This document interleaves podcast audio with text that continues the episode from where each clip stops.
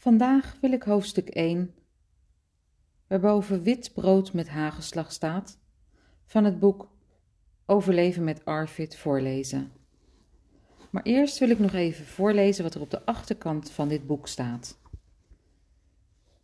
Een kind heeft ARFID, Avoidant Restrictive Food Intake Disorder, vermijdende, restrictieve voedselinname-stoornis, als er te weinig en of zeer selectief wordt gegeten vanwege verminderde interesse in eten, gevoeligheid voor de sensorische kenmerken van eten of irrationele gedachten over de aversieve gevolgen van het eten van bepaald voedsel zijn.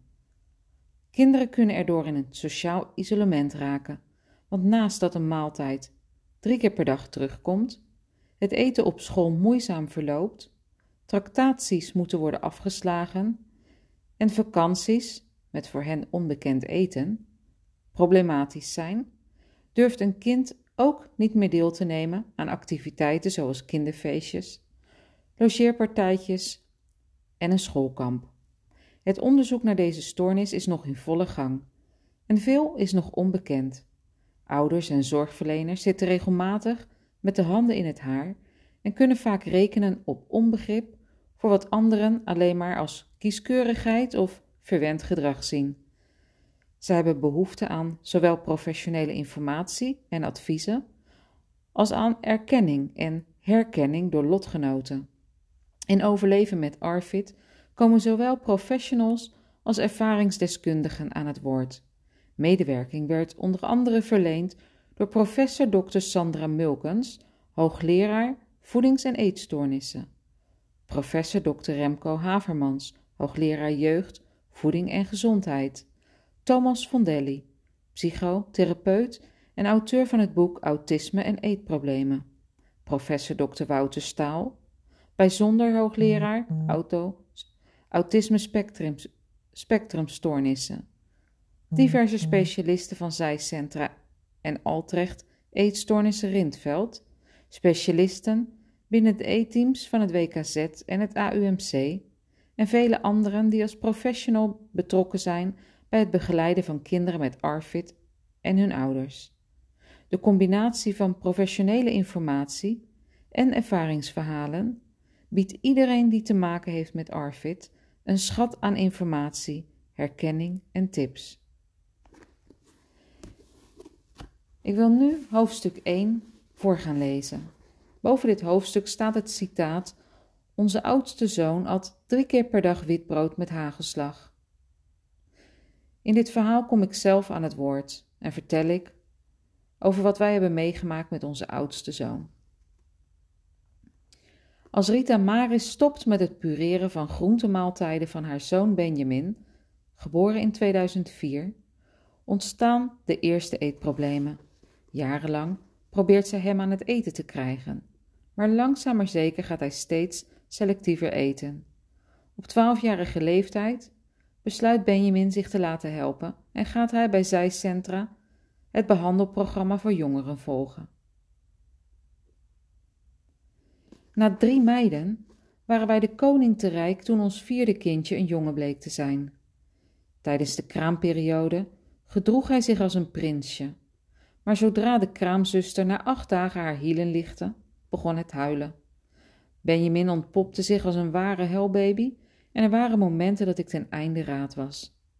We probeerden van alles om erachter te komen waarom hij zoveel helde. Uiteindelijk bleek hij het kistsyndroom te hebben. Nadat hij hiervoor onder behandeling was geweest, keerde de rust terug en vanaf dat moment verliep zijn eerste levensjaar normaal. Hij was de eerste van onze kinderen die gewoon met de pot mee at. En we waren enorm trots op de hoeveelheid groente die hij at.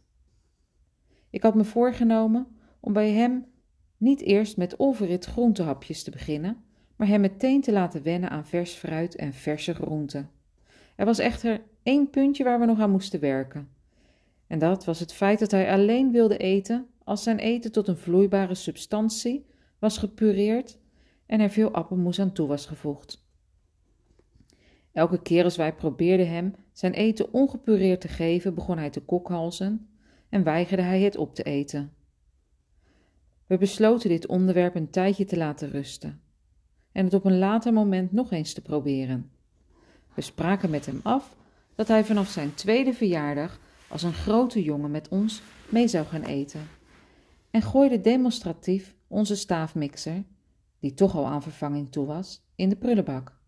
Achteraf kreeg ik daar spijt van als haren op mijn hoofd. Nadat ik de staafmixer had weggegooid en vol goede moed probeerde deze strijd van onze zoon te winnen, kwam ik erachter dat dit een lange weg zou gaan worden. We hadden nog nooit met zo'n eetprobleem te maken gehad. We hielden zelf van eten en nieuwe smaken uitproberen, dus herkenden dit niet en wisten ons geen raad. We hebben methoden gebruikt waarvan ik, met de kennis die ik nu heb, weet dat ze juist averechts hebben gewerkt. We begonnen met het voor de hand liggende dreigement dat hij geen vla zou krijgen als hij zijn bord niet leeg had. Daarna lieten we hem wat langer op zijn stoel zitten. Ook probeerden we het voor elkaar te krijgen, met de belofte dat hij langer op zou mogen blijven als hij zijn eten opat. Alle dreigementen en in het vooruitgestelde, vooruitzicht gestelde beloningen ten spijt, er veranderde niks aan zijn weigering om zijn bord leeg te eten. Na enkele maanden gaf ik de strijd op en kocht ik een nieuwe staafmixer. Hoopvol maakte ik die avond zijn, voorheen zo geliefde, prakje klaar. Maar tot mijn ontsteltenis bekeek hij het eten alsof hij nog nooit zoiets vies had gezien. Hij wilde het niet eens proberen en markeerde het eten meteen als onveilig. De moed zonk me in de schoenen en ik wenste dat ik nooit zo dom was geweest om de staafmixer weg te gooien. Ik begon me af te vragen waarom ik gepureerd eten zo'n probleem had gevonden. Want ik was inmiddels op een punt beland dat dat het kleinste probleem was geweest. Avond na avond ging hij met een lege maag naar bed.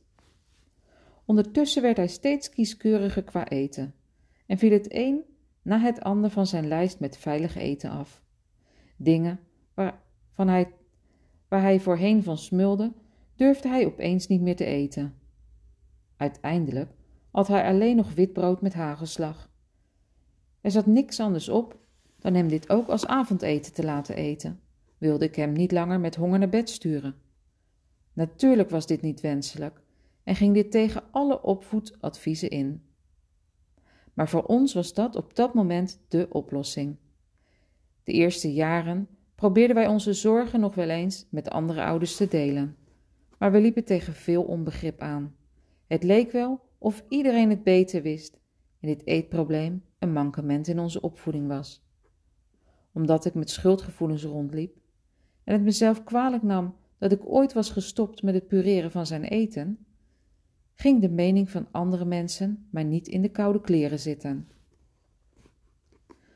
We besloten hier niet meer over te praten buiten de vier muren van ons huis en het eetgedrag van onze zoon gelaten te accepteren. Natuurlijk waren zijn zussen het niet eens met de gang van zaken en vonden zij, terecht, dat wij hem voortrokken. Zij moesten hun bord altijd leeg eten en onze zoon Benjamin kon gewoon zijn gang gaan. Ondertussen liep Benjamin tegen allerlei sociale problemen aan, want tractaties op school waren een reden om tegen de dag op te zien en uitnodigingskaarten van feestjes werden meteen teruggegeven of voor mij verstopt. Toen een moeder tegen mij zei dat haar zoon het jammer vond dat Benjamin niet op zijn feestje kon komen, had ik geen idee waar ze het over had. Hij was zo bang voor het eetmoment op het feestje dat dit zijn oplossing was om het te ontlopen. Goed bedacht voor een vijfjarige jongen, maar het gaf wel aan hoe groot zijn eetprobleem inmiddels was. Samen met deze moeder bedacht ik een constructie, zodat hij wel naar het feestje kon gaan. Al gauw was het onder zijn klasgenoten duidelijk dat Benjamin een eetprobleem had en werd daar rekening mee gehouden. We hadden een soort werkbare oplossing bedacht, waar we jarenlang mee vooruit konden. Hij mocht drie keer per dag wit brood met hagelslag eten en wij keken de andere kant op. Zodra de zorgen die ik om zijn eenzijdige voedselinname had de kop opstaken, stopte ik het weer diep weg. Ik kon niks aan de situatie veranderen, maar het bleef als een donderwolk boven mijn hoofd hangen. Heel geleidelijk aan leverde Benjamin ondertussen aan kracht in. Omdat het een jarenlang proces was, viel het ons in de eerste instantie niet op. Hij hing steeds meer op de bank, klaagde over pijnlijke benen, gaf aan dat hij moeite had om de trap op te komen en was doorlopend moe. Omdat hij inmiddels al twaalf was, dacht ik dat dit te maken had met een groeispeurt. Op een dag kregen wij van iemand de tip om eens naar het programma Bizarre Eters te kijken. Wij besloten zijn tip op te volgen en bekeken een aflevering. Meteen vanaf het begin vielen wij van de ene herkenning in de ander. We riepen Benjamin erbij en bij het zien van de eetproblemen van deze volwassen mensen viel er een last van hem af. Hij herkende zichzelf hierin. Het gaf hem hoop dat er meer mensen waren die met deze eetproblemen worstelden en dat er blijkbaar hulp voor was. Hij vroeg meteen aan ons of hij ook geholpen kon worden door de mevrouw van het programma. We hebben een mail gestuurd naar de psycholoog die aan dit programma meewerkte en kregen de tip om bij zijcentra voor hulp aan te kloppen. Ondertussen was het broertje van Benjamin geboren en topten wij ook met zijn eten. Dat komt in hoofdstuk 2 aan bod. Ik besloot met beide jongens naar de huisarts te gaan. Daar werden mijn zorgen gelukkig serieus genomen en werden wij doorverwezen naar het Wilhelmina Kinderziekenhuis. Dat was het begin van maandenlange onderzoeken. Bij Benjamin werd een zeer uitgebreid onderzoek gedaan en daaruit kwam naar voren dat hij zeer ernstige, chronische voedingstekorten had opgebouwd. Hij had tien jaar lang geen vezels, vleesproducten, melkproducten, groenten en fruit gegeten en dat had ertoe geleid dat hij op alle gebieden grote tekorten had. Er moest meteen gestart worden met vitamine-injecties, ampullen en medische bijvoeding. Dat laatste was bijzonder moeilijk naar binnen te krijgen voor hem. Benjamin kwam samen met zijn jongere broertje Daniel op de wachtlijst van zijcentra. En na het intake viel voor het eerst de diagnose ARFID. Ze bleken allebei de eetstoornis ARFID te hebben en een behandeling bij zijcentra te moeten ondergaan. Na een aantal maanden kon Benjamin deelnemen aan het jongerenprogramma van zijcentra. Zijn groep was de eerste groep die aan dit nieuwe programma meedeed. Het waren vier pittige weken, maar dankzij deze therapie leerde hij zijn extreme angst voor onbekend eten te overwinnen en durfde hij aan het eind van de behandeling alles te eten. Het is geweldig om hem een vol bord avondeten op te zien eten. Want we hadden nooit durven hopen dat hij normaal zou gaan eten. De therapie heeft zo goed geholpen dat hij op school tijdens een project zelfs een springkaan heeft geproefd. Dat geeft wel aan dat als je van je angst bent genezen, je in principe alles kunt eten. Hij heeft manieren geleerd en helpende, bedacht, helpende gedachten aangereikt gekregen die hem helpen bij het eten. Hoe vaker hij iets eet, hoe meer hij aan de smaak wendt en die leert te accepteren. Einde van hoofdstuk 1. Als hier vragen over zijn, kunnen die gemaild worden naar rmaris.solcon.nl. Deze vraag hoop ik dan in de volgende podcast mee te nemen. Bedankt voor het luisteren en tot de volgende keer.